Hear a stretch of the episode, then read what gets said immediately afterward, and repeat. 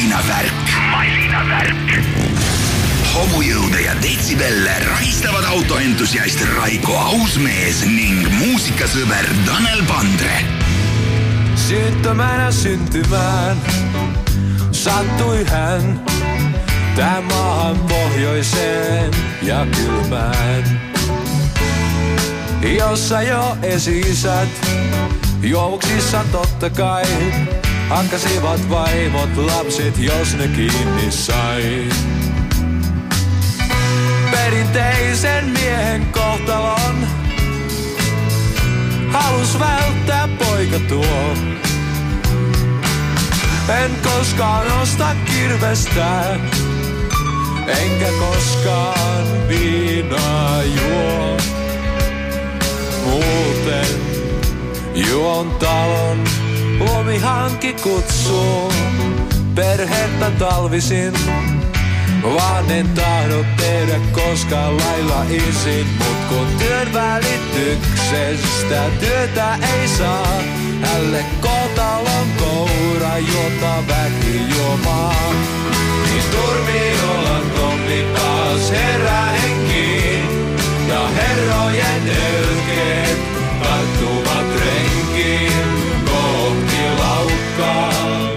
kauppaa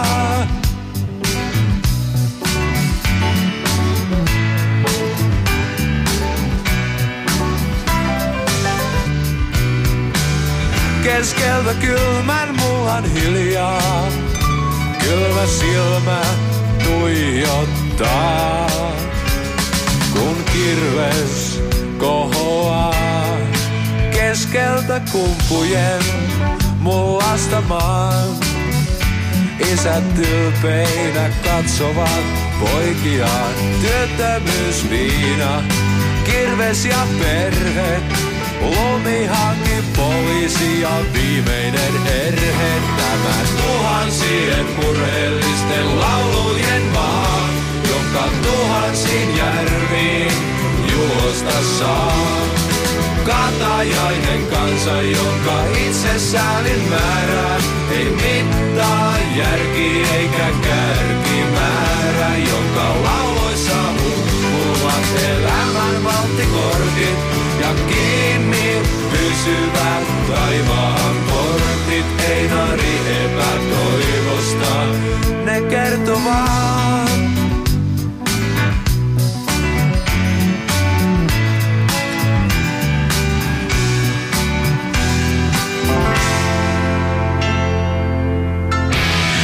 Hea masinavärgi kuulaja, kätte on jõudnud seitsmes detsember ja päev pärast Soome iseseisvuspäeva. Ja täna ongi meil Soome erisaade, mis algas Eppu Normaali eriti soomlasliku looga Murhelistel lauluja maa, aga ei ole see üldse nii mures eh, laud maa, sest et Soome mussi kuulame me palju, soomlastega ajame ka juttu eh, ja võtame kokku ka mõned tähtsündmused, mis jäid meie selja taha tõsi, me napsame kiirelt üle autogala ja siis äh, sukeldume Soome teemasse ja mitte, et nüüd oleks siis kuidagi Jeremiah Kangas, kes on tulemas meile siia stuudiosse juba Eesti mõistes väga kõva trummar, mis ta on viis aastat Eestis elanud ja kohe paneme ta eesti keele proovile.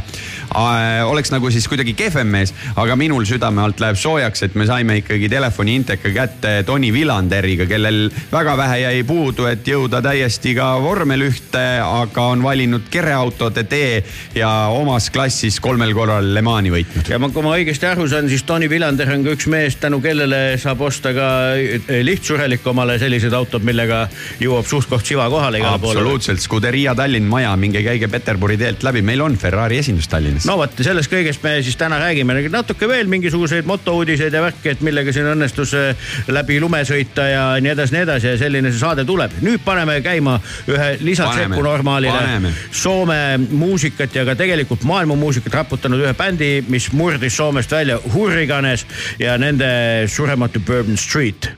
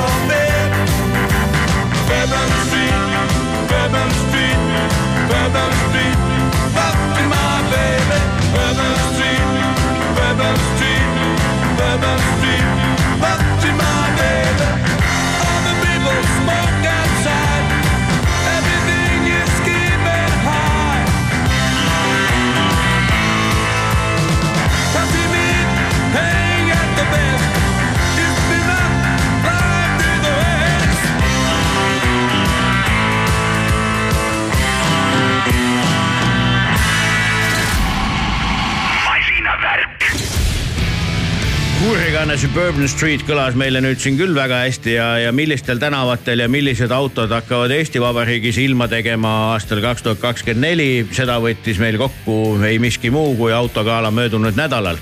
Raiko, kuidas siis läks? mina julgen väita, et väga hästi, sellepärast et ma lähtun puhtalt sellest, milline on äh, tagasiside nendelt inimestelt, kes siis äh, kas vaatasid või osalesid.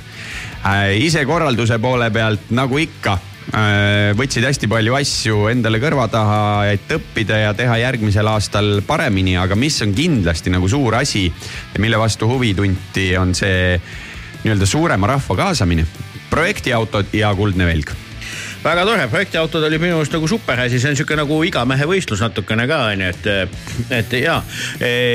kuule, aga ikkagi need, kes nagu ei jälginud, kõrv kikkis, et milline auto siis on aastal kaks tuhat kakskümmend kolm kõige parem Eesti Vabariigis? Äh, kui me võtame ette finalistid põhikategoorias ehk Eesti auto kaks tuhat kakskümmend kolm, siis esiteks, mis mulle väga meeldis. Iga finaali jõudnud auto sai mõne žürii liikme käest maksimumpunktid ehk kaksteist punkti, meil on sihuke vana vormel ühe süsteem, et kaksteist, kümme ja kaheksa on nagu vaja punkte anda, onju. ja tegelikult läks siis mingisugusel hetkel rebimiseks kahe mm, mudeli vahel. Land Rover, Range Rover Sport ja Hyundai Ioniq kuus ja lõpuks äh, kuue punktiga jäi see Range Rover peale. nii et äh, kui enne kaalata oli see, et äh, paljud ütlesid, ah ega see kallis auto ju ei võida, siis nüüd on nagu vastupidine kuidas see kallis auto sai võita, aga äh, päris paljusid žürii liikmeid äh, väga see auto üllatas, kes ei olnud sellega sõitnud. Ja ma ütlen, et see tulemus on tegelikult selline, et kui üks žürii liige oleks oma nagu punkte kuidagi teistmoodi jaotanud, see olukord oleks teistpidine olnud, nii et kaks äh, suurt jõudsid seal finaalis nagu ninapidi kokku.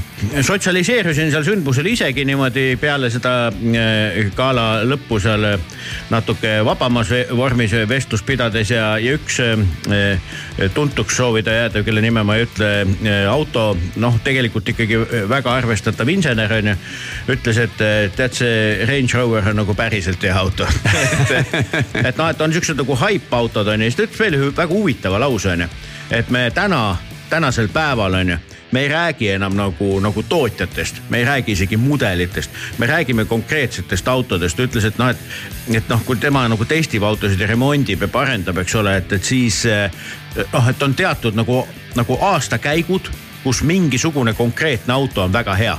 ütles, et me oleme siukses, siuksel alal, et, et, et ühesõnaga, et see, et see tootja nimi ei ütle enam mitte midagi, noh, et see, et raudselt kõik, ma ei tea, Hyundai'd on head, noh no, mm, -hmm. et, et ei ole, vaid et mingisuguse kahe aasta jooksul selles konfiguratsioonis on nagu päriselt hea auto ja siis nagu muud ei ole. no sihuke mõttekäik, noh, väga huvitav, no ei pea nõus olema, aga, aga oli põnev mõtlemine. aga Hyundai ei jäänud päris ilma nagu auhinnata, sest esiteks ma ütlen ka, kõik autod, mis finaali äh, jõudsid, ehk siis Range Rover Sport, Hyundai Ioniq kuus, Peugeot nelisada kaheksa, Volkswagen ID.Buzz ja Renault Austral, nad on juba ju sellest kadalipust läbi murdnud, et nad olid finalistid.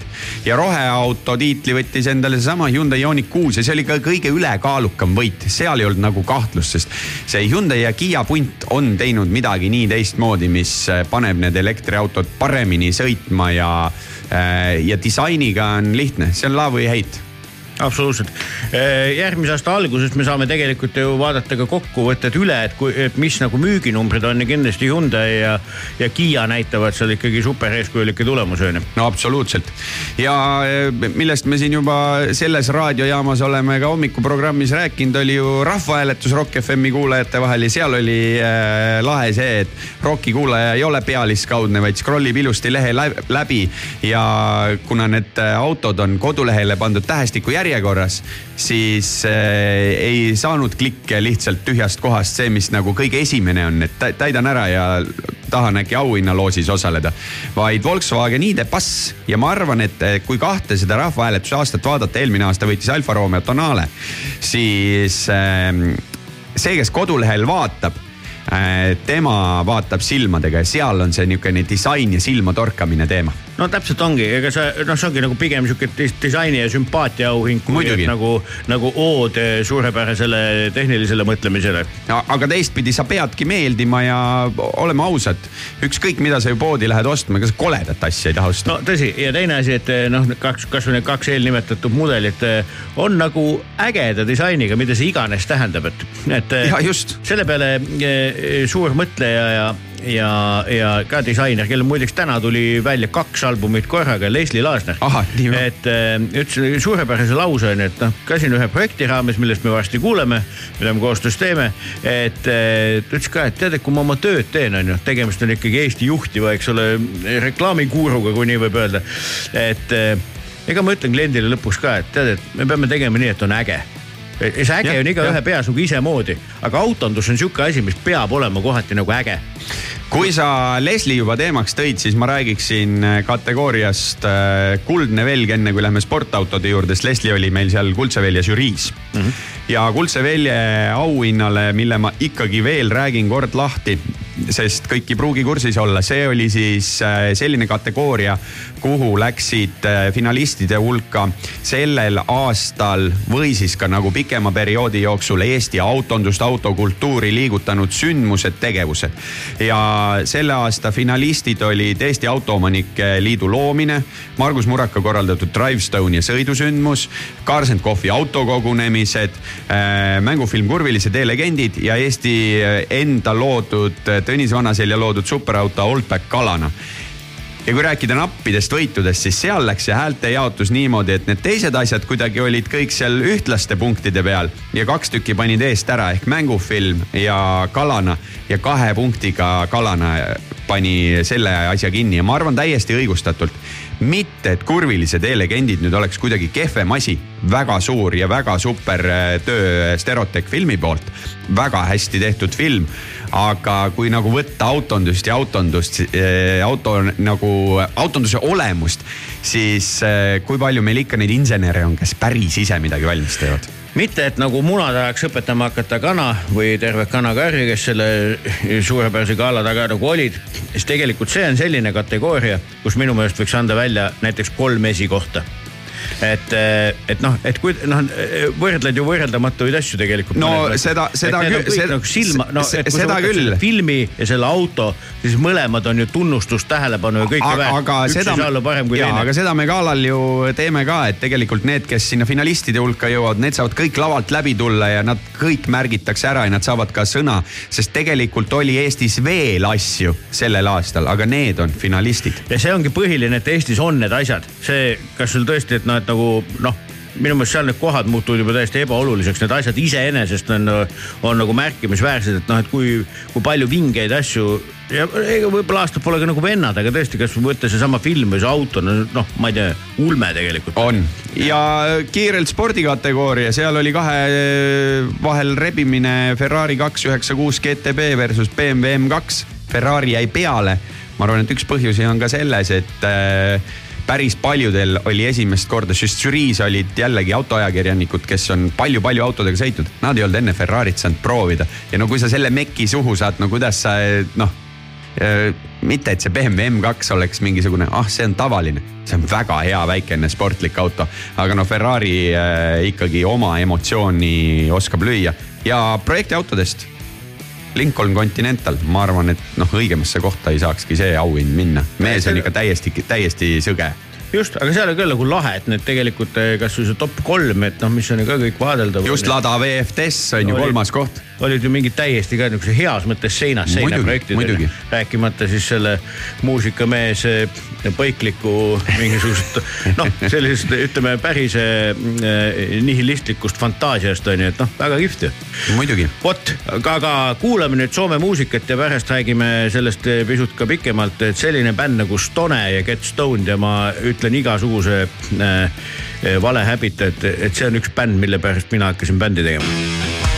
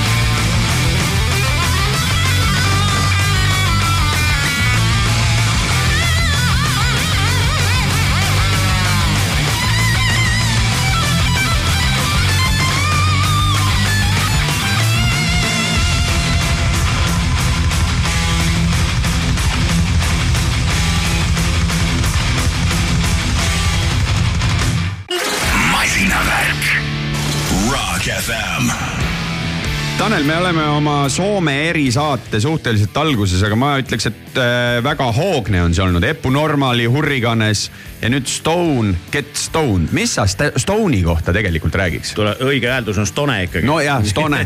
Stone on sihuke bänd, et. oled sa kuulnud seda Stone bändi? ja ma olen seda kuulnud palju, rohkem isegi võib-olla kui peaks. ühesõnaga Stone oli üks sihuke punt, kes kaheksakümne kaheksandal aastal käis esinemas Tallinna linnahalli jäähallis onju. Olin siis, ma ei tea, neliteist äkki või viisteist ja, ja käisin seda kontserti vaatamas ja see muutis mu maailma totaalselt onju, et eh, veel enne seda käis üks bänd, mida me kuulame järgmisena, Peer Künton. see oli sihuke aeg, kui hakkasid Soome bändid julgesid Eestisse tulla ja said tulla, sihuke kaheksakümmend, kaheksakümmend seitse, kaheksa, üheksa oli sihuke märgiline aeg onju ja, ja kõik see sound ja kuidas nad mängisid ja kõik need pillid ja laulud ja kõik, kõik asjad, no ma olin täiesti no nii võetud onju, et noh, ma ütlesin ka, et kurat noh, kas saab olla midagi ägedamat, et ma ei ole elus väga paljusid bände fännanud sõna otseses mõttes onju. aga, aga millele ma olen niisugused täiesti nagu andunud fännanud, oligi seesama Stone onju ja teine bänd on olnud Aerosmith läbi aegade onju. ja okei okay,, Chris Cornell on ka tohutu iidol. aga eh, ehk siis sajaprotsendiliselt õige väide ja peab paika see, et see Stone on seotud sellega, et sinust muusik sai. ja see, temal on suur roll jah, et, et kuidas teha ägedat mussi onju. ja kuidagi vaata saatusel on mingid jõle huvitavad nagu plaanid ikkagi. kui me eh, The Suniga otsustasime teha ühe inglisekeelse albumi kunagi aastaid hiljem onju, siis eh, me otsisime erinevaid produtsente ja nii edasi ja nii edasi ja, ja, ja meie selle albumi produtsendiks sai ei keegi muu kui Janne Joutseniemi ehk Ah. siis Tone laulja ja bassimees on ju, nii et elu viiski kokku selle tüübiga onju. nii et eh, võib-olla temaga teeme ka kunagi mingisuguse toredama jutu, eks ole, nii et ma arvan, et paljud eestlased mäletavad teda, et täna, täna ta teeb ka vähesel määral mussi, tal oli vahepeal üks äge bänd nimega Suburban Tribe, mis käis meil isegi Rabarokil. Stone on vist kaks korda koos käinud peale seda, kui nad eh, laiali läksid ja kindlasti Soome rahvas ja ka Eesti rahvas võtaks need iga kell uuesti vastu, aga nad ei tee seda. aga teine märgiline bänd, mis tegutseb mis tegutseb siiamaani kas tegelikult. seitsmekümnendate lõpus alustasid äkki juba?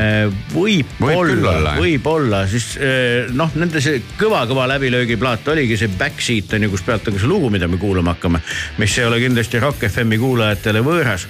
et Peer Künt on ka selline niisugune väga-väga kick-ass bänd on ju, mida soomlased teavad väga hästi.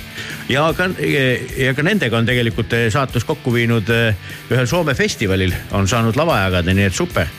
ja väikest peale reklaamipausi kuulame ka Soome üliolulist bändi või, või artisti nimega I Karjalainen, mies, jolle koskaan ei tapahtu midagi, et sisse juhatada intervjuu Toni Vilanderiga.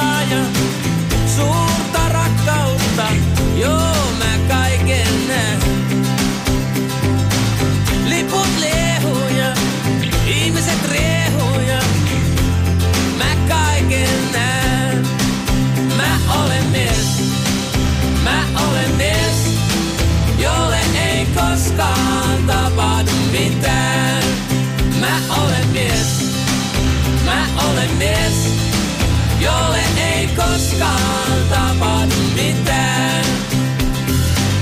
Lennetään kitaralla, Teksasin taivaan alla, joo mä kaiken näen. Ja Paula tanssi taas kissan kanssa ja mä kaiken näen. Mä olen mies, mä olen mies, jolle ei koskaan tapahdu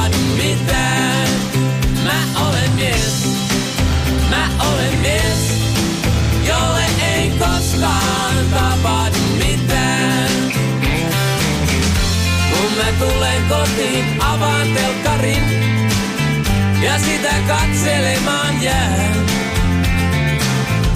Korttitalo nousee yössä taivaaseen.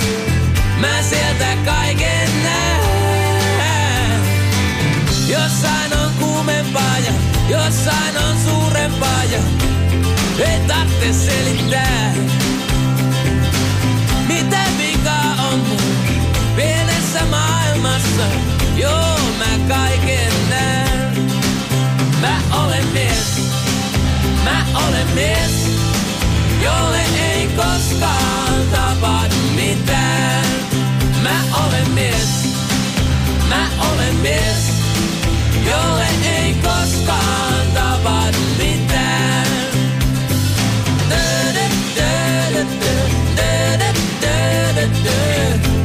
Ei tapahdu mitään.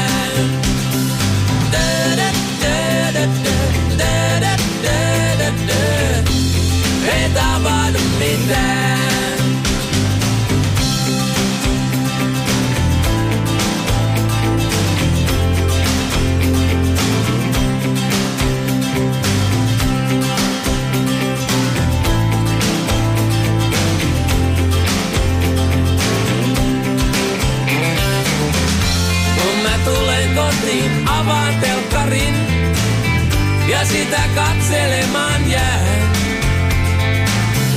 Korttitalo nousee yössä taivaaseen, mä sieltä kaiken näen. Pyhä vihaja, suurta rakkautta, joo mä kaiken näen. Liput lehuja, ihmiset rehuja, mä kaiken näen.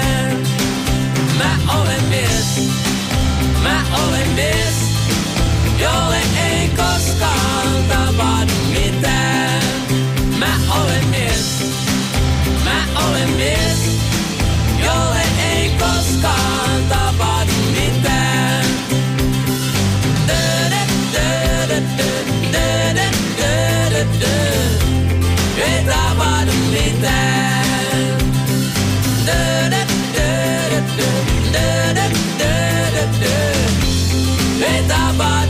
that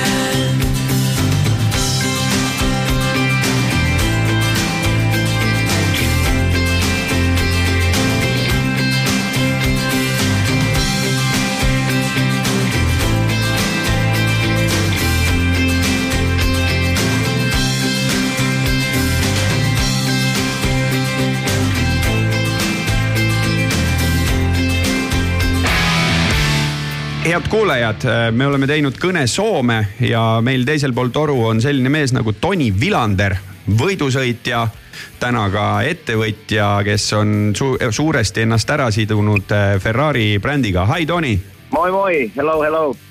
How is it in uh, Finland? It's start of the December, is it already like uh, feeling to go to the Rovanpera and find some uh, Rovanpera, Rovaniemi, Rovanpera of course, to go to Yeah. Rovaniemi and find some uh, ice tracks for the first driving experiences? Yeah, it's uh, it's the right time for that. I mean, I love the Finnish winter. I love Lapland. I do sometimes with with rally cars some ice driving, but I mainly do with snowmobiles. Um, ah, okay, okay. I do some collaboration with Lynx. Lynx is a Finnish brand I know uh, it, which yeah. is yeah, which is part of the Bombardier PRP, and uh, I've been collaborating with them few years now, giving some feedback, but mainly having fun, uh, doing some longer trips. So even this winter there is some some trips planned with my friends. We are planning to do in Finnish Lapland a safari, which is more or less a thousand kilometers Oh, and uh, that is something I really enjoy. Takes Okay. my mind out of the normal stuff, and uh, you are just in the wild nature. I will go a bit back in time. How Tony got involved with racing? How it all started? Yeah, we go back uh, quite a long time. It's 1986 or 1987. Uh, at that time, my my home, our neighbors, there was my friend and his sister, and they both had go karts.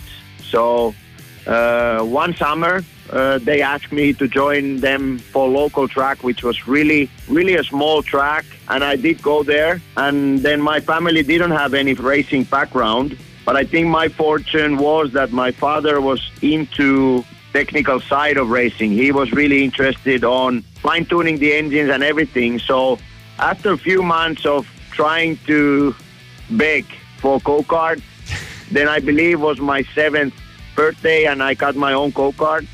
And from there on was really, if you can say, it was just pure passion and fun because I really had. I feel like I was the pushing force to go on track to practice more. At the younger age, we went to some races that I was not allowed to race yet but we agreed with the organizers and other families and drivers that young drivers that I could participate on the practice.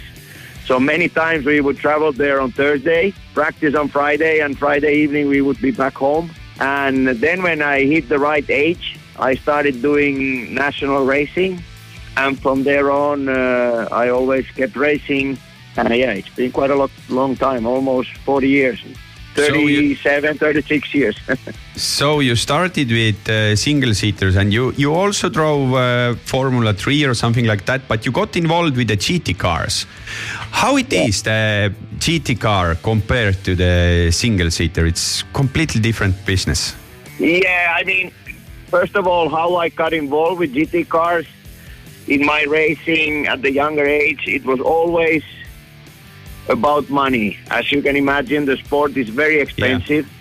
So, uh, in my career, uh, many of the choices were not planned.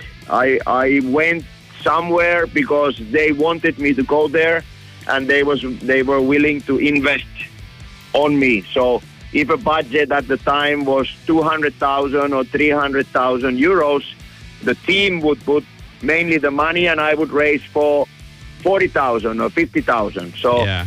many of the choices with Formula Renault, Formula 3, even Formula 3000 were based um, on this budget thing. At the Formula 3000 times, Kimi helped me a little bit that year, so it was 2005. Um, but then became the transition time. I was offered to drive GT cars, and there was chance to get a little pocket money. So I, I was not getting a big salary, but then this was the turning point where I didn't need to fight for the sponsorship, and I didn't need to fight for my existence. Instead, people wanted to race me to race for them, and I was able to get some, like I said, really, really small salary, and I was able to cover all my expenses. So this is how I got started with GT racing, and as you know, then I stayed with Ferrari until today. So I think this is year number 17 or something like that. If we go to a comparison between the handling of the cars, obviously the one big, big thing is the weight. Uh, single seaters are very light, very reactive, and very similar also in fine tuning of your driving, of your performance, even to go kart, but even to Formula One. The, if you take, for example, Formula 3 is a very high downforce car with so not, not so much horsepower. Then you go up to Formula 2 where you get the power and you still have a very strong aerodynamic package. So it's a good school to Formula 1. In GT racing, the weight is the big factor. So the braking distance is a huge difference. Uh, the handling itself, I mean, overall Ferrari is a nice handling car with the mid rear mid engine car. So the balance is pretty neutral. So for a driver that comes through single seaters to GT cars, Ferrari is one of the best options because it's very similar in handling. But obviously, you need to set reset all your uh, all your basic reference points for braking and accelerating. You need to give more time to the race car to settle in the middle of the corner. If you have a wrong rhythm, you create a lot of understeer or oversteer on the race car. So driving a GT car demands different things than single seaters.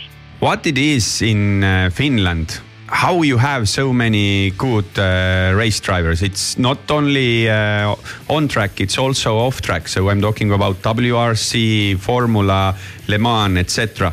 We, we can see always Finnish flag in some podium. How it is like so? Uh, I think there's some DNA of our people, our population here in Finland. There is some craziness in us, but also we are a very wide country, very large country. If you compare us to Italy, we are more or less the similar size, but if we are 5 million, they are 50 million. if we are 5.5, they are maybe 70 million. So um, I think we have a lot of open space um, active people, meaning that you have those small go-kart motorsport clubs in, in many of the cities. There's a lot of go-kart tracks in Finland. I would say 40 or 50 go-kart tracks in Finland. International level, I would say at least 10. Maybe the facilities are not top, but the track itself is really nice. Um, if we go with go kart to international racing, as you know, we have a very long winter. So um, when you start fighting against drivers from from Central Europe or Italy or Spain, where they can drive almost 12 months a year, I think you need to have a different mindset. Um, you need to be more prepared. You need to be more hungry. You need to be more willing to, to fight. And many occasions of the talented rally or or racing drivers we have from Finland, they don't come from really wealthy background. You always need to fight fight for your existence. Your your career progression is related a lot to your results and to your personality and not only a huge sponsorship or very wealthy family like I said.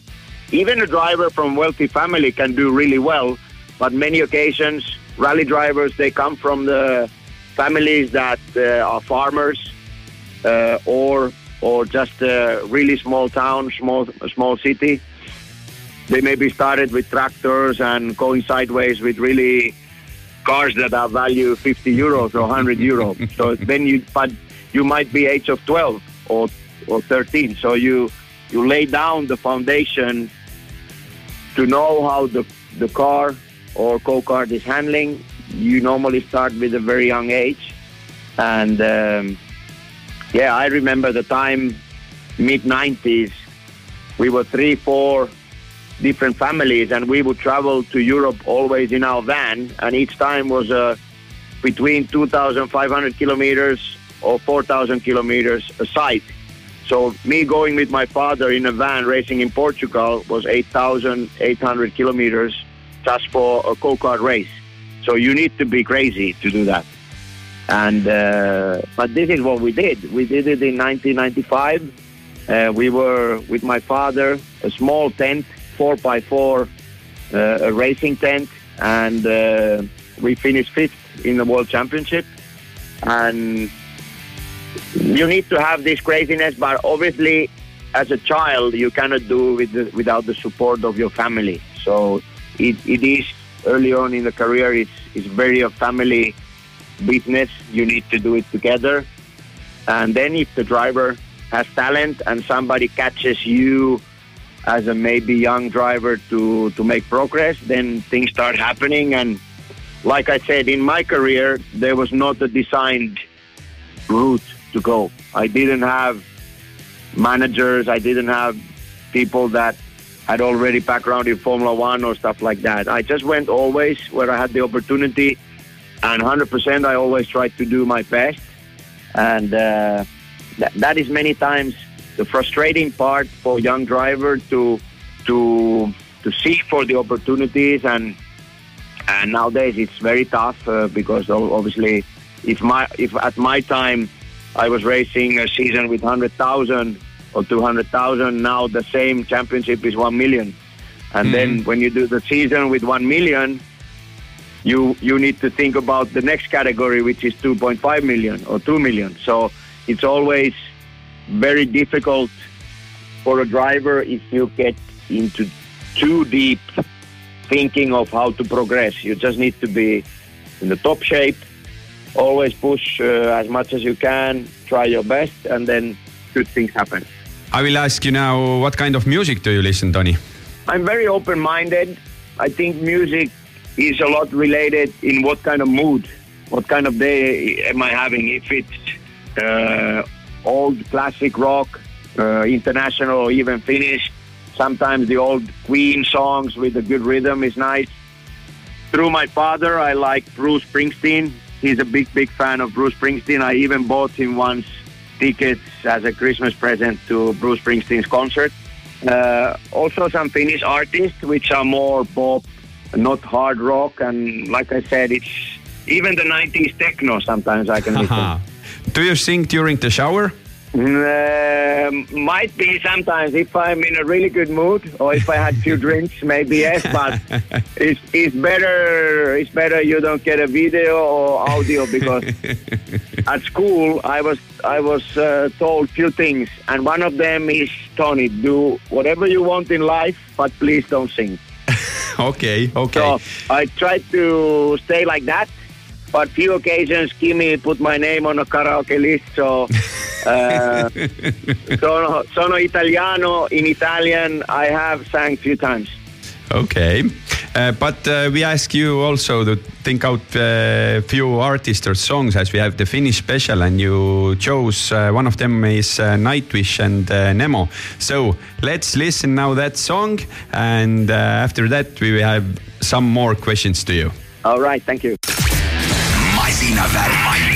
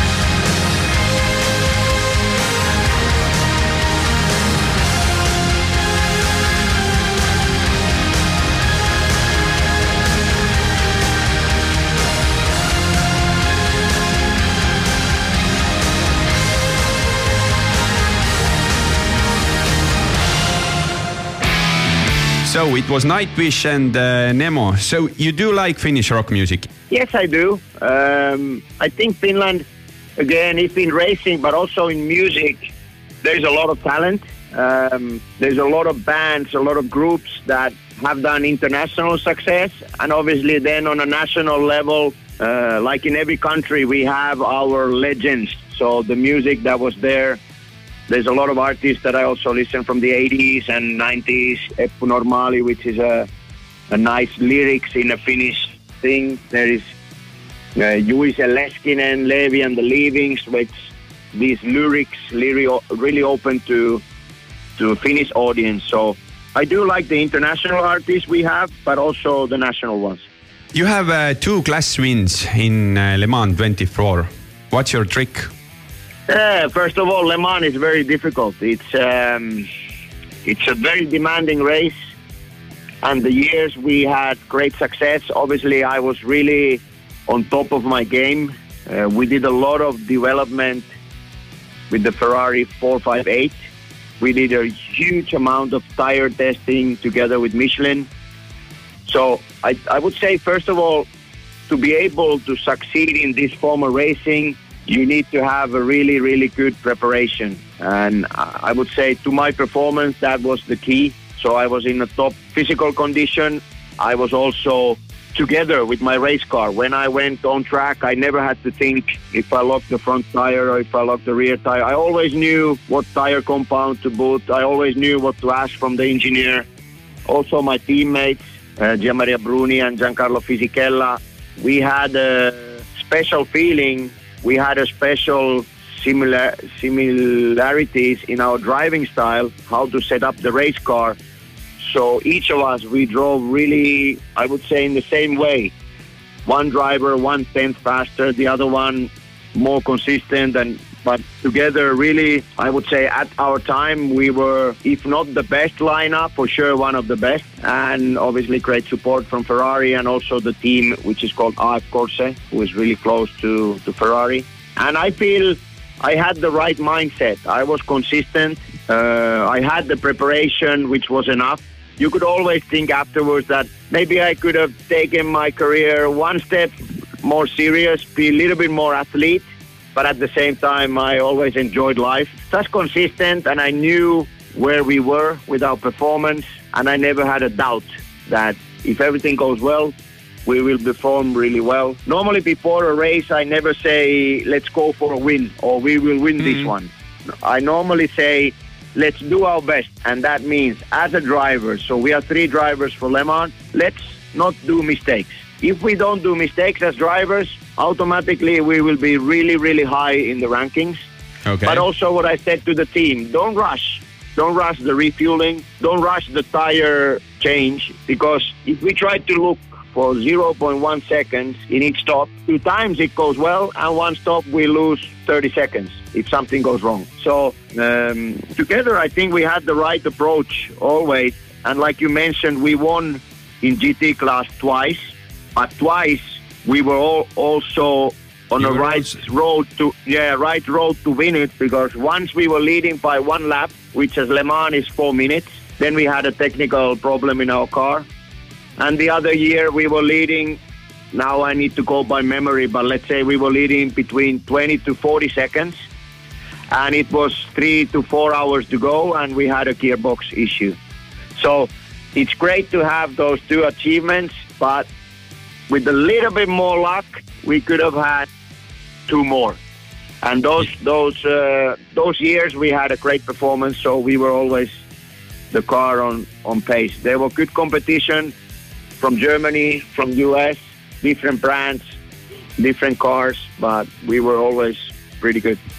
Yeah, you mentioned that that uh, there was almost two times also to win, but uh, you have been two, Yeah. you have two class wins, you have two seconds and two thirds, so you have been six times on Le Mans podium.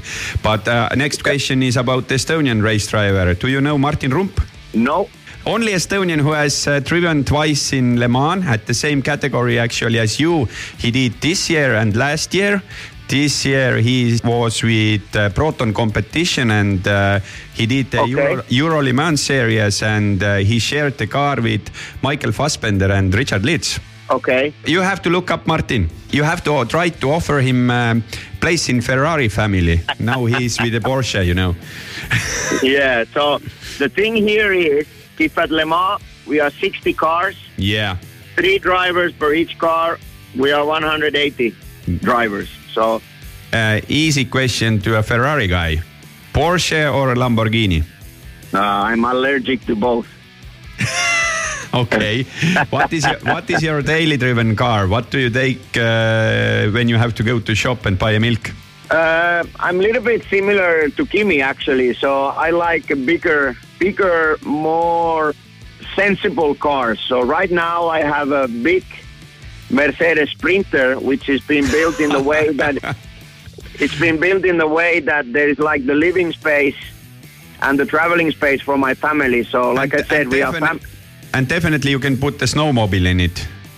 Yes, small snowmobile in the back and traveling space for six person and and also for our dog. And then you have a fridge, microwave. and I just did a I, I just did a trip to Lapland. It's a perfect way to travel travel because then you are independent. You can always choose the airplane, but then I, I if I need to be between two hours of flying or 800, 800 kilometers of driving, most likely is 800 kilometers of driving because then I can do my own schedule, be with my own family, and you know, gives me freedom to do what I want. Uh, have you driven in uh, Estonia on uh, Pärnu in Audru track? No, a friend of mine, Torsten, who runs uh, our car uh, selling point, uh, Scuderia Tallinn, he has invited, Torsten has invited me to Estonia for track days many times. And uh, I hope to do something there next uh, summer. So Okay. Torsten has some plans plans for me next summer, I believe. Then we have to see what will be your uh, track time there. We can we can check it later then next summer. How is it most to be- likely, most likely, very slow, very slow. How is it to be a part of Maranello family? Because you're really closely uh, together working with Ferrari. Yeah, it is special, and you you learn it over the years, and again you learn it with the experience. So when when I was in the pro car, so I was the main main driver. I'm not saying you can be arrogant, but you take a different approach. That you need to be a little bit selfish. Uh, you almost a little bit fight sometimes with the management because they want to send you all over the world and I just want to go racing, you know, and they want to send you to to some so car events or or PR events and stuff like that. And at the younger age, you probably won't realize everything and the meaning of everything. So I believe also on that side, today I'm in my third year of Ferrari ambassador, and that uh, normally means for me that I'm really involved in the track activities with the different clients. So Ferrari has track days where you can drive with the older Formula One cars. Obviously, you need to own it. But if you have a Formula One car, I'm there. There's a program called FXX, which are cars that planned and designed only for track activities. A new car, Ferrari Modificata, which was done also for track days. So when these cars are on track around the world. Normally, I'm there. It's between six and seven events a year. And even now, when my racing activities are a little bit less, the family thing you can always remember and feel because they remember you. You are involved and requested to, to different places, which today for me um, is like fun. If 10 years ago, 15 years ago, it was like, ah, why do I need to go there? Now it's like, hey, it's nice to go to Austin, Texas, or it's nice to go to Suzuka in Japan, or it's nice to go to Laguna Seca in United States. So um, I think the family word with Ferrari comes um, because if you have done something for the brand, if you have stayed loyal to them, they will always stay with you. Uh, today, if I feel like I have less racing value for them, but they feel I have more marketing appearance value that I did in my racing time. So, as a senior racing driver, that makes me feel appreciated and makes me feel nice, good. You already mentioned that uh, Scuderia Tallinn, uh, you are doing business also with uh, Ferrari. Where you came up with the idea that to make a Ferrari showroom to Tallinn, to Estonia? Uh, through my friend, or let's say two friends, uh, Torsten is the key factor here. He has a huge, huge passion for Ferrari, and know uh, he him, I know him, he's a bit crazy. Yeah, but you need to be a little bit crazy in life. Uh, he he has a lot of passion, and he was the the person really to push for this. And then we found the right people, the right tools to do it, and uh, now we are on route to just be stronger in that area, be stronger and more connected with Ferrari. So we started officially March this year, and uh, and we just uh, we are happy of the progress, and I'm really happy the way Torsten has been working over there. I visited now the let's say dealership or the car sales point. I visited it now three times maybe, and uh, it's always been a very nice nice experience. And also the Ferrari passion that is in Estonia is quite incredible. Relatively small country, but a lot of Ferrari cars, and the market is grow- growing really quickly. So a few years back, not so many cars. Today, a lot of Ferraris in Estonia. Yeah, we have seen them on uh, streets. So we are uh, now in the end of our interview, and uh, again, you s- you named one band. It's Abulanda. They are from. They started in the 90s, uh, and we now we took uh, with Tanel uh, the we chose the song, and it's uh, Yeah. ravistetava ennem käyttöä. You like that song? Yeah, it's good. You know what it? You know the. It means that you need to shake before you use it. Yes.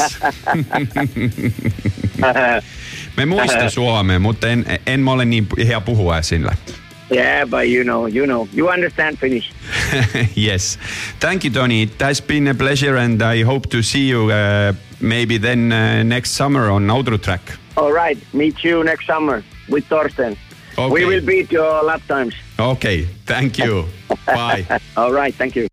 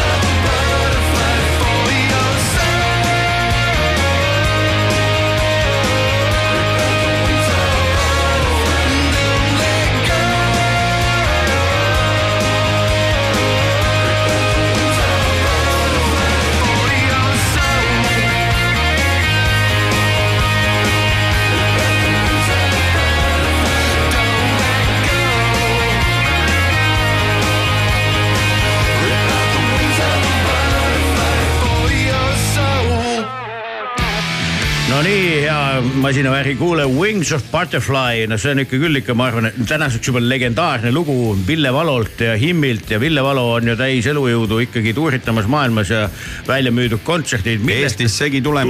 tuleb aprillis, kui ma ei eksi, eks ole. Sellest räägime kindlasti lähemalt, aga ja kindlasti üks vägevamaid kahe tuhande kahekümne kolmanda aasta comeback'e igal juhul.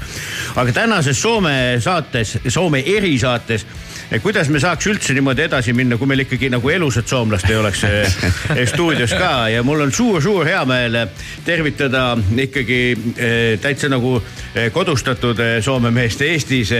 tere tulemast, Jeremia Kangas. aitäh, suur aitäh, et kutsusite mind siia ja see ongi minule väga äh, spetsiaalne asia, et see on esimene kord, kui räägin eesti keeles avalikult, et no kuule Oh. super. kaua sa Eestis olnud oled ja, ja mis sind Eestiga seob? no ma kulisin siia arvat kaks tuhat kaheksateist, et olen Oululinnast pärit ja siis mõtlesin, et midagi uut tahaks elus teha ja siis kolisin siia. Nii et viis aastat äh, Eestis ja tegelikult ma teeksin äh, kohe kiidusõnad, et äh, me siin eetriväriselt ka, et sa veidi muretsesid selle eesti keele pärast, aga ma arvan, et see on nüüd küll minetatud, sest esimesed kaks lauset on raadiosse tehtud. viie, viie aastaga, mis sa oled Eestis nagu tähele pannud, mis oleks võib-olla siuksed eristumised Eesti ja Soome vahel? no arvan, et siin on rohkem chill. et no kuule, aga, aga Oulu on ju Soomes ikka kõik pigem ju väga chill koht ju. no see on, see on aga, et, et, et, et Viljandi on veel rohkem chill. okei, aga tead, sinu tagasihoidlikkuse natuke nagu ikkagi hakkame nagu lahti murdma selles mõttes, et eh, sul on ka ju Eestis ikkagi bändid, mida Rock FM-i kuulajad ikkagi teavad küll, rohkemal või vähemal määral. kindlasti tänaseks võib ka öelda, et legendaarne Draama Mama Jah. on see punt, millega, mida sa väärindad oma esine-, mänguga ja, ja teine on eh, uuem bänd on Savoy, Sound of Savoy jah. Sound of Savoy. rohkem bluus ja, bluus ja amerikaana ja bänd. vot ja seda me mängime järgmises saates, kusjuures nii et tasub olla eh, kuuldajal, aga sul on veel igasuguseid projekte, kus sa nagu oled no ka. ja, no Eesti, Eestis on, ongi see Drama Mama ja Sound of Savoy ja siis mängin Soomes on selline bänd kuin Ivory Woods ja siis on Lauri Peisterä ja siis mängin ka sellises cover, legendaarises coveri bändis kui joku paikallinen bändi, keegi kohalik bänd. väga lahe nimi, väga kihvt, aga ja siis sa nagu käidki kahe maa vahel eh, oma töid tegemas, ma saan aru. ja arvan, et no pff, enam ja vähem iga, iga nädalavahetusel reisi Soomesse ja teen keikat seal ja sa sõidad vastupidi nendele Eesti tüüpidele, kes Soomes kä- tööl käivad niimoodi vastu, vastupidises suunas. täpselt. okei okay., kuule, aga, aga kui tulla nüüd selle Soome ja Soome muusika ja, ja selle juurde tagasi, millest meil on siin saates palju juttu olnud ja tuleb veel, et, et võtame sedasama himmi, et kui nemad hakkasid nagu kuulsaks saama, kuidas sel ajal sa elasid Soomes, käisid ilmselt koolis või niimoodi, et kuidas see nagu mõjutas, kas, kuidas sind, sind ja su sõpru ja et noh, et, et kui suur ta nagu oli, et vaata teisest riigist näed nagu, nagu, nagu ühtemoodi asju, aga, aga seal sees ju tajud kuidagi teisiti. mis him? himm. no v- väga suur, et ma, see, mis see aasta oli, kui see Join Me tuli? üheksakümmend üheksa, kaks tuhat. ja ma olin, ma olin kümneaastane ja ma, see, see ongi, see ongi, mis see, mis see memory oli eesti keeles? ma ei tea noh, mul ongi selline. tuleb, tuleb meelde. ja selline memory ongi, et, et Aa, see. mä- mälestus, mälestus, mälestus. mälestus. Ma mõtlesin- ma mõtlesin ma mõtlesin, lugu hakkasid lugu mõtlesin. mõtlema, Jaa, mul ka et sama mä,. mä, mälestys on, että se Join Me ja, ja olikin MTVllä vaatteessa se musiikkavideot. Mm-hmm. Ja, ja, ja, ja selle perästä se, se, olikin, se oli väga suur asia ja kõik kuulevad ära, et see, kas sa oled seda bändi kuulnud ja, ja, ja just ja. et, et tegelikult ju vaata selle jällegi käib ju kõik nagu lainetega onju, et vaata Soomes, mida me siin enne ju oleme ka mänginud, et noh, et noh, omal maal ikkagi megasuur bänd, eks ole, Epu Normaali ja siis Jaa. esimene bänd, mis, mida hakati mängima Inglismaal ja lõpuks mm -hmm. Ameerikas oli kindlasti Urganes, eks ole onju. ja Hanoi Rocks ka, et ja Hanoi. Rocks ja siis on väiksem, siis on kogu see metallivärk, eks ole, hakkas mm -hmm. tulema ka onju. ja siis tegelikult suur-suur bänd, eks ole, mis oligi MTV-s ja igal pool, eks ole, pluss siis veel, eks ole, need Bam Margera igasugused Ja, ja, ja. ja, see, ja siis ikkagi himm oli ikkagi väga-väga suur No niin, se, se musiikka oli täysin eraldi, että oli metallit ja popmuusikat ja, ja sellise love metal asia. seda polnudki olemas asja. Ja, ja, et se olikin täiesti uusi asia ja. nii et ta on ikkagi tegelikult jah, ikkagi maailma muusikat mõjutanud ju Soome ja, bänd onju. ja. ja aga, aga samas jälle jah, et ja selles metalli noh, tegelikult enam-vähem ju samal ajal ikkagi hakkas ju, ju kõneainet pakkuma üks seesama Nightwish ju ikkagi ka mm. -hmm, mm -hmm. et, et selline Soome invasioon ja just, et nagu see ja siis hakkaski võib-olla tulema, ma ei tea, sellist terminit nagu ei ole, et on olemas vaata niisugune nagu Rootsi sound, eks ole, Jaa. nagu muusikas mm -hmm, ja, mm -hmm. aga niisugune nagu Soome on minu meelest sellise nagu, nagu hea raske muusika sound'i etalon tegelikult väga paljudes ja küsimustes. se onkin se Soome, Soome soundin välismaal onkin se raske musiikka. jah, kõik ja kõik see niimoodi legendaarsed et Mika Karbilad ja kõik need, eks ole, need Ja, ja, ja. Finbox stuudio Mm, see- muidugi. et noh, see on ikka täitsa niisugune nagu industry standard mõnes mõttes mm. -hmm. et väga lahe. sest Soome on üldse, ma ütlen, et äh, ma, ma proovin meenutada korra oma lapsepõlve on ju kõik need läbi käinud äh, epunormalid ja ikarjalaised need olid osa, aga just keskkooli ajal panin mina tähele, sest noh, tegelikult ju Hanoi Rocks on ju seitsmekümnendate lõpus, kaheksakümnendad, midagi sellist on ju. ma ei olnud siis veel täheldanud ise seda Soome nagu sihukest panust, ütleme just raske ja rokkmuusikasse, aga mina ütlen ka sellesama himmi tulekuga kuidagi tuli laine ja siis äh, mina koos oma sõpradega avastasin ka, et Soomes on ennem ka sihukest väga head rokki tehtud, onju. no see esimene laine Eestiga suhtes ikka oli kindlasti, kui nagu hakkas see suhtlus nagu lubati seda, kaheksakümnendate lõpp oli kindlasti see aeg, kus hakati rohkem Soome muusikat kuulama, kuna need bändid said siia lõpuks tulla. Ja siis noh, Eesti bände käis see Röövelööbik ja JMK ja kes need selle. Singer-Vingerid kõik on käinud seal. just, just, et, et siis hakkas sihuke nagu hästi kõva bondimine, millest ma, minu meelest ma täna nagu tunnen isegi natukene puudust. no minu meelest ka on, aga et ar arvan, et arvan, et nüüd teeme ka, tahaksin tuua soomlased bändid siia, soomlased rokkbändid tuua Tallinnasse ja mängima siin ja ka see bändi Get In, mis räägi sinule, et see ongi selline bänd, kes, kes, see on väga hea bänd ja no selle sa rääkisid nii põnevaks, et seda me hakkamegi kohe, kohe kuulama, et eh, räägi sellest taustast, sest see on sihuke bänd, mis muidu siia Rock FM-i ei oleks mitte kunagi sattunud, kui sina seda kasseti kaasa ei oleks võtnud, kus me seda kuulame. no tead, see on, see on mu sõprade bänd ja mehed on ka Oululinnast pärit, aga nüüd elavad Helsingis ja Mattias, kes mängib trummid siin, et temal on väga cool stuudio Helsingis, Hollywood House. ja, ja Aapo ja Ismo ja Henri, että mun on heat söprat ja no sellainen Amerikka Stoner Rock ja sellainen rock on ollut minulle väga meeldib, et see, see on sellest muus-, muusikat, mis, mis mulle meeldib. kusjuures lahe, et sa selle Hollywood House'i välja tõid, siis ma käisin seal külas eh, kuu aega tagasi. käisid? ja me käisime Eesti Raskemuusika Liiduga külastamas Soome stuudioid just nimelt selle mõttega, et kuidas koostööd võiks nagu arendada, onju. ja see oli üks nendest stuudiotest. täpselt, see Mattias Kiiveri ongi see mees ja, Ja- kes mängib trummid siin Ketin bändis. no okei okay,, no kuule, väga lahe, aga kuulame siis nagu niukest nagu tõesti nagu Soome muusikale, muusikule hingelähedast Soome bändi, kellest meie saamegi teada sinu kaasabil.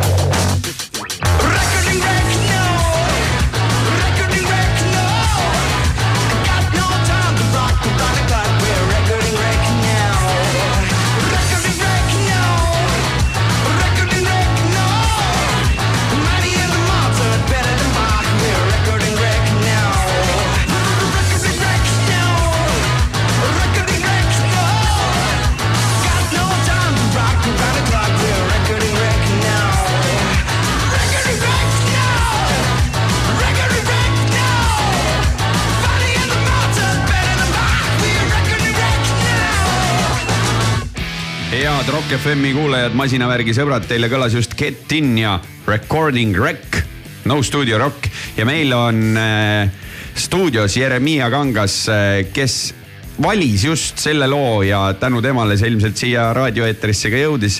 ja tema sõbrad mängivad seda muusikat, aga meie jätkame oma Soome lainel.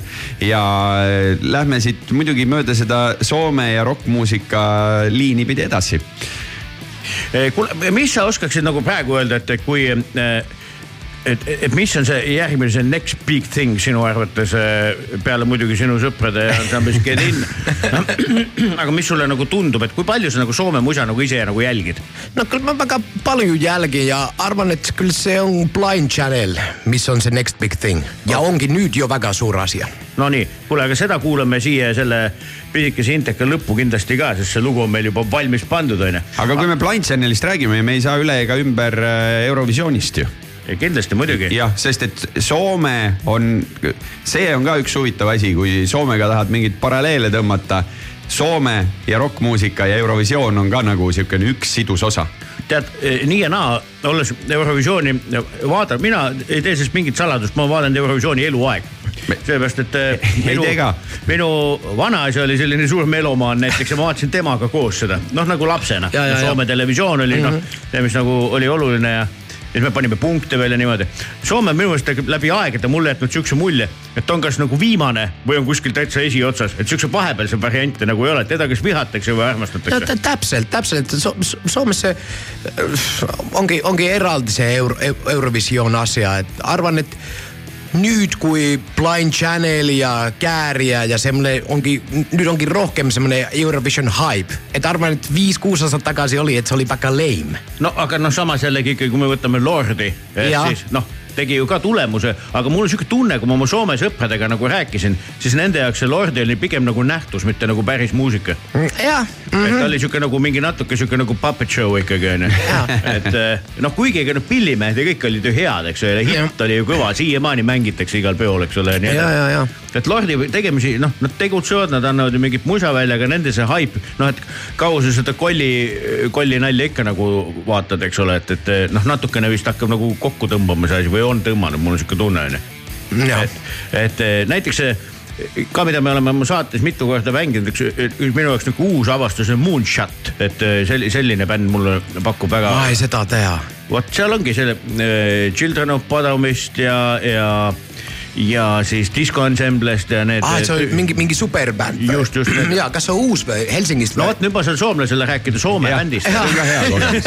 ma saadan sulle selle kindlasti, et, et see on väga pull vend tegelikult ja ta on sihuke just nihuke natuke proge ja värk ja mis sulle kindlasti nagu meeldib. sest jah, kui me korra selle Eurovisiooni ja Soome peale veel tuleme ja vaata, sa ütlesid, et see nii-öelda esimene või viimane, siis tegelikult oligi ju paar aastat tagasi ka, ka mõnes mõistes ikkagi Soome üks sihukeseid nimesid nagu The Rasmus, nemad oma Jezebeliga jäid just sinna kuhugi kahekümnendate otsa. see, see on ka müstika, sest The Rasmus on olnud ikkagi ka nagu, nagu väga-väga suur Soome bänd tegelikult. ja arvan, et on, on, on nüüd ka, et tege, tegevad keegad Euroopas ja.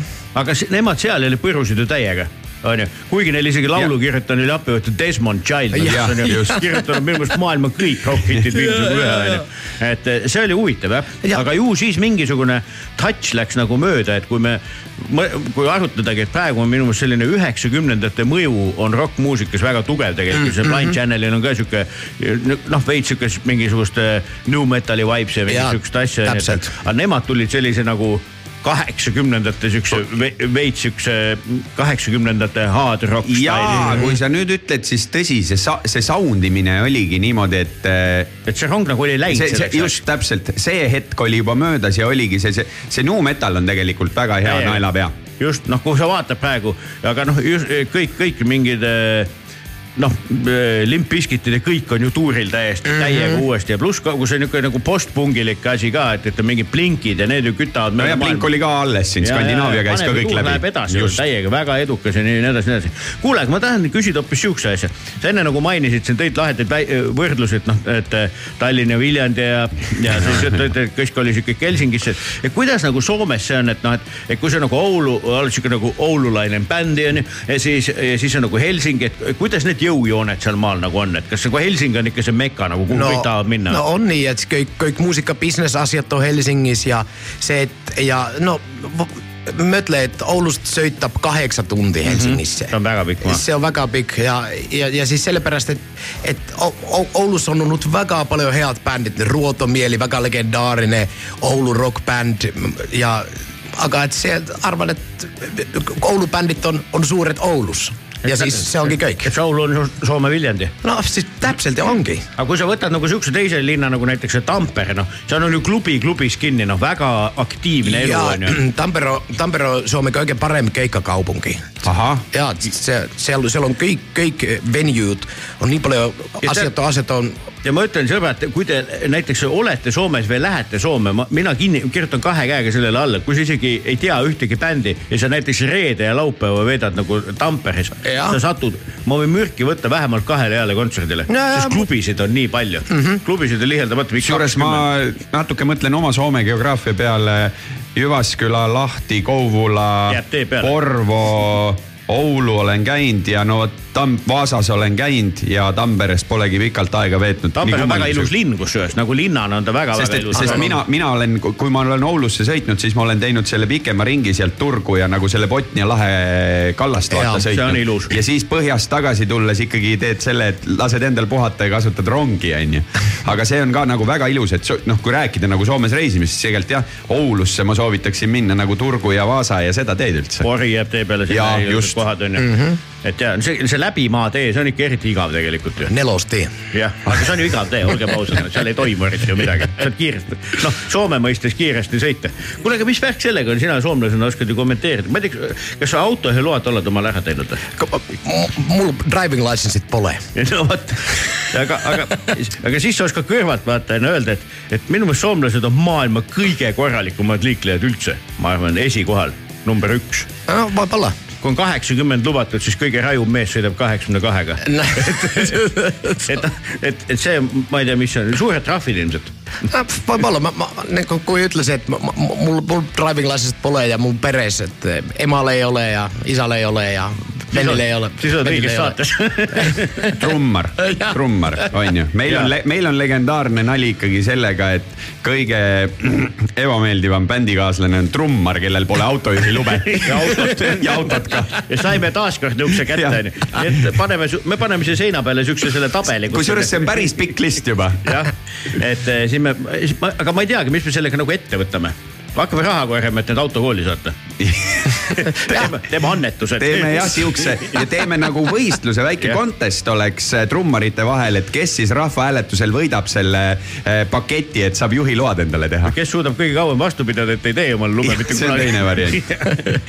okei, kuule, aga eh, Blind Channelist me rääkisime ja ega neil ju ilmus nüüd eh, eh, nädal tagasi jah, reedel oli vist see päev, kui ma ei eksi. New Music Friday ikkagi ja koos sellise tegelasega nagu Rory, üks selline pisut rahulikum eh, pala nimega Die Another Day. et eh, mis sa arvad, kas me võiks hoopis siis seda siia sinu väikse Soome päevakajalise intervjuu lõppu kuulata? jaa Kysy uudesti. Kysyn uudesti, koska se on ihan luku, koska se on ihan pänikkä, se kuulemma. Joo, joo, joo, se on se vakaa ja se on niinku että kuin rääkkisimme, että se onkin se next big thing Suomesta. Se on se vakaa ihan luku ja nat, nat tekevät keikat USA-s ja Euroopas ja igas kohas, et on, ongi selline bänd, mis peab hakkama, hakkama kuulama. üldiselt inimesed, kui te tahate teada, mis on järgmised next big thing'id, siis kuulake masinavärgi saadet ja meie ja, ja meie oraakellikke, tarku, intelligentseid, ilusaid ja andekaid ja kü- saatekülalisi. ja Blind Channelil otsige üles esinemiskalender, et äkki suudate ennast mõnele keikale sokutada. just, kuule aga Jersu suur,, suur-suur tänu ja edu sinu tegemistes ja järgmine saade kuulame kindlasti sinu mängitud kotiin sitten. Ai tää? Ai tää teille niin paljon, että sä et siia tulla.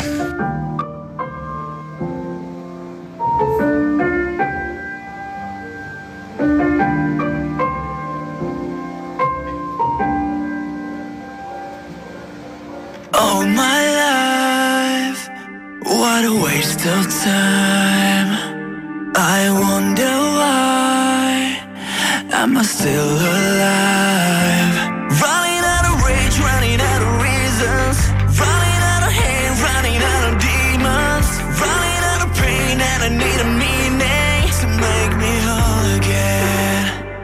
This world is gonna fuck you up. It's gonna get dark and it seems too tough. You don't wanna carry on. I know all about giving up. Cause lately I've been looking hard. Where is my love? Where is my luck? Where is my faith? My reason to die another day.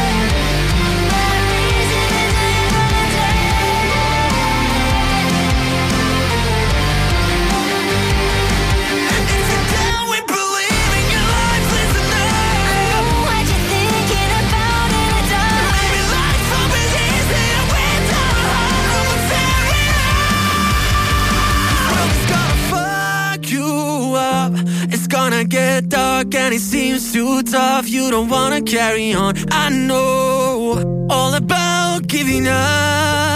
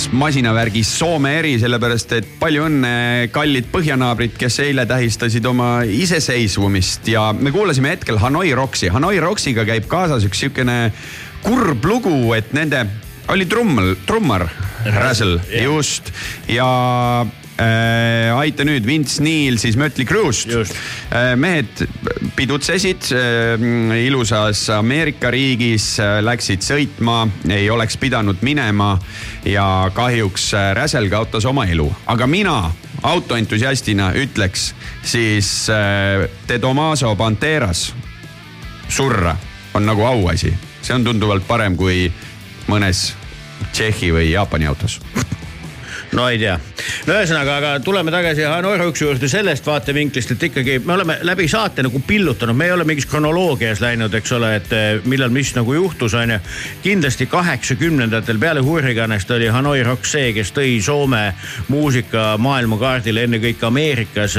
kogu see glam rocki värk, mille siis Andy McCoy ja, ja Michael Monroe nagu suutsid selle maailma nagu luua, onju, et, et, et seda järgis terve, terve plejaad bände, kaasa arvatud seesama Mötley Crüe on ju saanud kogu oma nii-öelda tuhhi tegelikult ja pluss veel sajad bändid tegelikult, kogu see LA nii-öelda koolkond, et seal oli Hanoi Rocksi tähtsust ei saa alahinnata mitte kuskilt otsast, nii et väga-väga-väga märgiline bänd ja väga-väga kõva hitt. minul läks lapsepõlves mitu aastat aega, et enne teada saada, et Hanoi Rocks üldse Soome bänd on. ahah, no vot ja, ja kahjuks eh, siis, kui see kahetsusväärne juhtum, millele sa tähelepanu juhtisid, juhtus peale seda see bänd enam nagu õieti nagu käima ei läinud. et. kui sa pereliikme kaotad, noh, Michael Jah. Monroe tegi küll väga-väga tugeva sooloalbumi peale seda USA-s onju, aga, aga jah, siis see karjäär kuidagi soikus ja nii edasi. Michael Monroe praegu, praegu on täiesti kick-ass vana ikkagi uuesti tuuritab ja teeb ja ta ei ole kuhugi nagu kadunud. et, et väga-väga-väga äge tüüp ja väga-väga vitaalne ja nii edasi, aga jah, Hanoi Rocks on kindlasti üks Soome rocki äh, majakas, ükskõik mis pidi nagu vaadata seda asja, kas, siitmaalt või sealtmaalt või Ameerikast. mina sain ka tuuritada. Nonii, sina said ka natukene Mina sain ka tuuritada. just. Driftida. driftida jah ja.. me ei olegi tegelikult sellist tüüpi masinatest äh, juttu teinud, sest meil ei ole proovisõidu võimalust äh, tekkinud ja mm, CF Moto Pagi oli seekord, see on siis Seaforce üheksasada viiskümmend ja neljakohaline, sihuke päris pikk äh, teljevahe. tegelikult mõeldud ikkagi, ma ütlen kui, kui, kui proovid nagu segmenteerida, et milleks või kuhu, siis tegelikult ikkagi fun imise toode. jah, aga samas, samas, samas on tal ikkagi sellist nagu mingit praktilist pointi nagu ka A4 kohta, ta on päris suur ta onju. on päris suur. tal on mingi panipaiku, sinna saab igasugust jama juurde panna nagu. veokonksu saad lisada, vints, lumesaha saad ette panna nii, et kui tahad ikkagi näiteks eh, põdra sisse augu teha ja siis selle põdra sealt eh, metsast ära tuua, ma arvan, et väga okei okay. või kalakasti peale visata peale eh, kõvemat äh, kalahetke, et ühesõnaga eh, minu meelest on tal sihukest nagu jahimehe, kalamehe, kõike seda touch'i nagu omajagu. ja kui mõelda, et see on siis ütleme, põhimõtteliselt seal on jah tuhat kuupikut mootor, mingi kaheksakümmend viis hobujõudu, seitsmesaja, kaheksasaja kilo vahele kaalub ja armatuurist vajutad sisse veel nupu sport, siis äh, lõbu jätkub ja lõbu jätkub palju ja mille üle mina olin äh, positiivselt üllatunud ma pelgasin, et meeletu libedus on, onju. ja musta jää peal, aga seal on kõikide asjadega libe päeva lõpuks. aga kui hea haakuvus sellel nii-öelda maastikusõidu rehvil oli ka siin selle kinnise lume peal ja no eh, meil oli siis versioon, kus eh, kabiin oli ikkagi lahtine, väike madal tuuleklaas ees. kui sa küll läbi lume tuiskad ja vajutad ja saad aru, et tal on jõudu ja jaksu sealt eh, läbi minna. no mul oli tõesti suu kõrvuni adrenaliin üleval, et kui ma üks kord seal mingi poole öö ajal selle sõidu lõpetasin, ma ei suutnud magamagi normaalselt jääda. aga eh, me ei ole niisugused väga kõvad vekslite väljaandjad mehed, aga praegu ühe anname. et kõikidest nendest seiklustest ja, ja mis seal veel juhtus, me saame, me, me anname teada, millal seda kõike nagu vaadata saab, et Jah. see ei olnud niisama lustimine, vaid selle me ikkagi Me tegime tööd. võtsime ka filmilindile ja miks ja mis kontekstis, see jäägu saladuseks. Kerin põnevust nii, kuidas oskan ja on ka põhjust, sest see tuleb üks väga teistmoodi vaatamine. ja, nii et eh, kokkuvõtvalt on niimoodi, et ma annaksin jälle seda head nõu. Need kohad, kus CF motot müüakse, kellel vähekenegi on see masin demos olemas, olgu ta siis nagu kahe või neljakohaline, muuseas selle käitumise kohta veel see pika telje vahega, kui kontrollitav oli see nii-öelda jõulibisemises olemas. aga küsige, uurige, ma väga soovitan minna nagu sõita ja vaadata, sest äh, kas sa tead, Tanel, miks see asi on Soomes populaarne? ma ei tea, sellega, ma arvan, et on kuskil mingisuguses äh, seal põhjaregioonis mingi sihuke täiesti legit asi, et kui sa, ma arvan, et tead, mis asja et ta on ju kindlasti ju noh, ta on ju nii- nii-öelda nagu ATV-lik, eks ole, onju. aga point on ilmselt see, et kui sa nagu ei taha ATV-ga sõita, siis sa sõidad nagu sellega. tegelikult tehakse Soomes lausa sellist asja, et see ostetakse lapsele esimeseks sõiduvahendiks mm. -hmm. kes siis eh, võib juba sealt noh, mis seal on kuskilt maalt alates eh, antud toote rooli minna ja keskkoolis käia ja kui sul on kooli ikkagi keskmisest pikem tee ja tuleb maha selline lumi nagu meil siin ja seda tuleb Soomes tihti, siis väga palju. Ja siis pannakse sinna see kinnise kabiiniga variant peale ja ongi laste esimene sõiduk, millega need käivad trennis, koolis, poes, mitte ei äh, osteta nii-öelda mingit tavalist suvalist autot. jah, tulge maale elama, on Soomes üt- ütlematagi selge. Tuleb tulla, kui saab nii lahedate asjadega koolis käia. muidugi. kuule, aga kuulame siia nüüd ühte eriti kihvti Soome bändi, mis kannab pealkirja Koditeolisus ja lugu on Helvetiste Idean, mis on nende suur hitt. Nendega seostub mul üks väga pull asi, et kui eh, meil on ka valitud siin mingi six-pack idega ja eh, ilusate jõusaali poistega mingisuguseid suvemehi ja asju, siis Soomes üritati ka seda teha, mille võitis siis sellesama ühel aastal koditeolisuse laulja Jouni Hünninen, kes on selline pika punase, pikkade punaste juustega sihuke eriti kuri mees onju. et siis tema oli soomlaste versioon nagu sellest eh, suvemehest on ju, nii et minu meelest ikka huumoriga on Üle lahe ikkagi pigem nagu väga hästi. nii et eh, kes teab, kellest juttu, kui, kui mitte, siis guugeldage ja saate aru, milline on üks tõeline Soome suvemees. ja siit ta tuleb, koditeolisuse helvetiste idöö. masinavärk.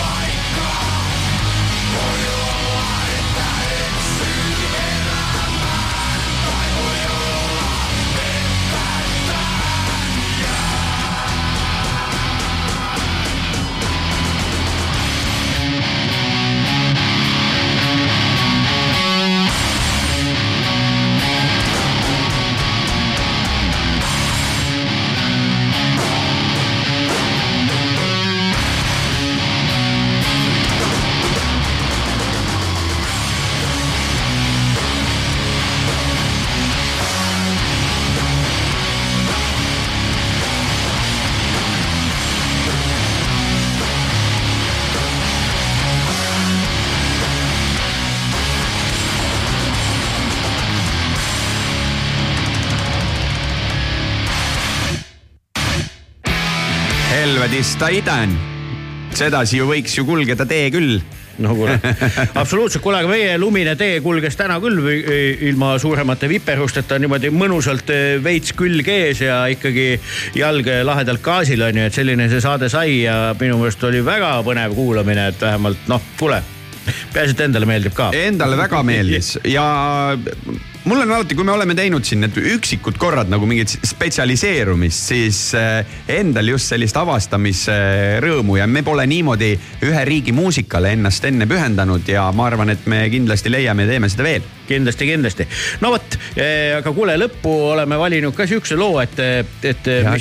kädes kulgeme talonaudion. ja see, no ühesõnaga ja, et, et see lugu, ma arvan, oli võrdselt kuulus nii Soomes kui ka Eestis ja, ja ilmselt eh, on ka täna ikkagi paljudele-paljudele kuulus. panime lõppu ühe väga kuulsa loo ja bändiks on ei miski muu kui Dingo ja ja kohtume vähe, tund aega vähem kui nädala pärast. kaks tundi vähem. aa, niimoodi või? kella ei keerata vahepeal. kell, kell keerab ennast ise, kui unustad üles keerata suurema pidutsemise vahepeal, mis ju nüüd ju käib täie hooga igal pool. kallid kuulajad, Dingo, Audio Talo, tšau.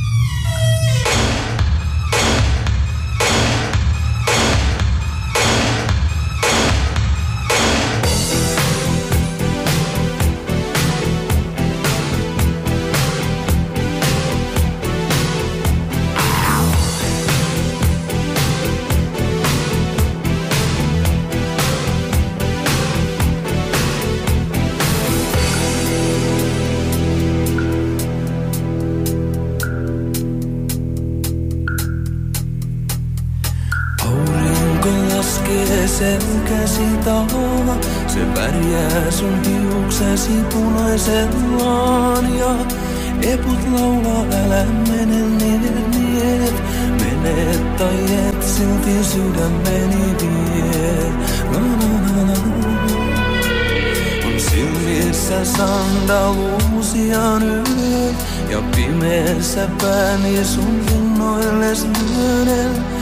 Uskalla edes äänen hengittää ja tuoksusi vie tajuntani pimeään. Na, na, na.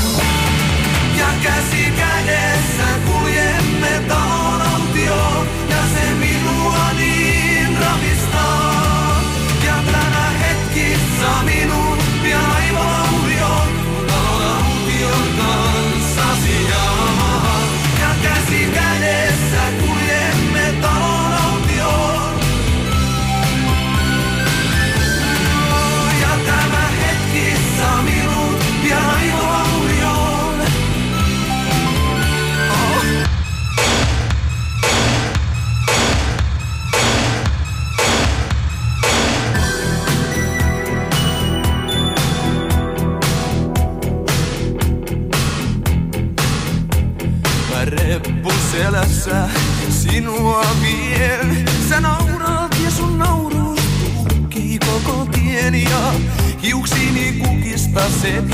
seppeleen teet. Olen narkomaani, sua hengittäen. Joku hullu on keksinyt ikuisuuden.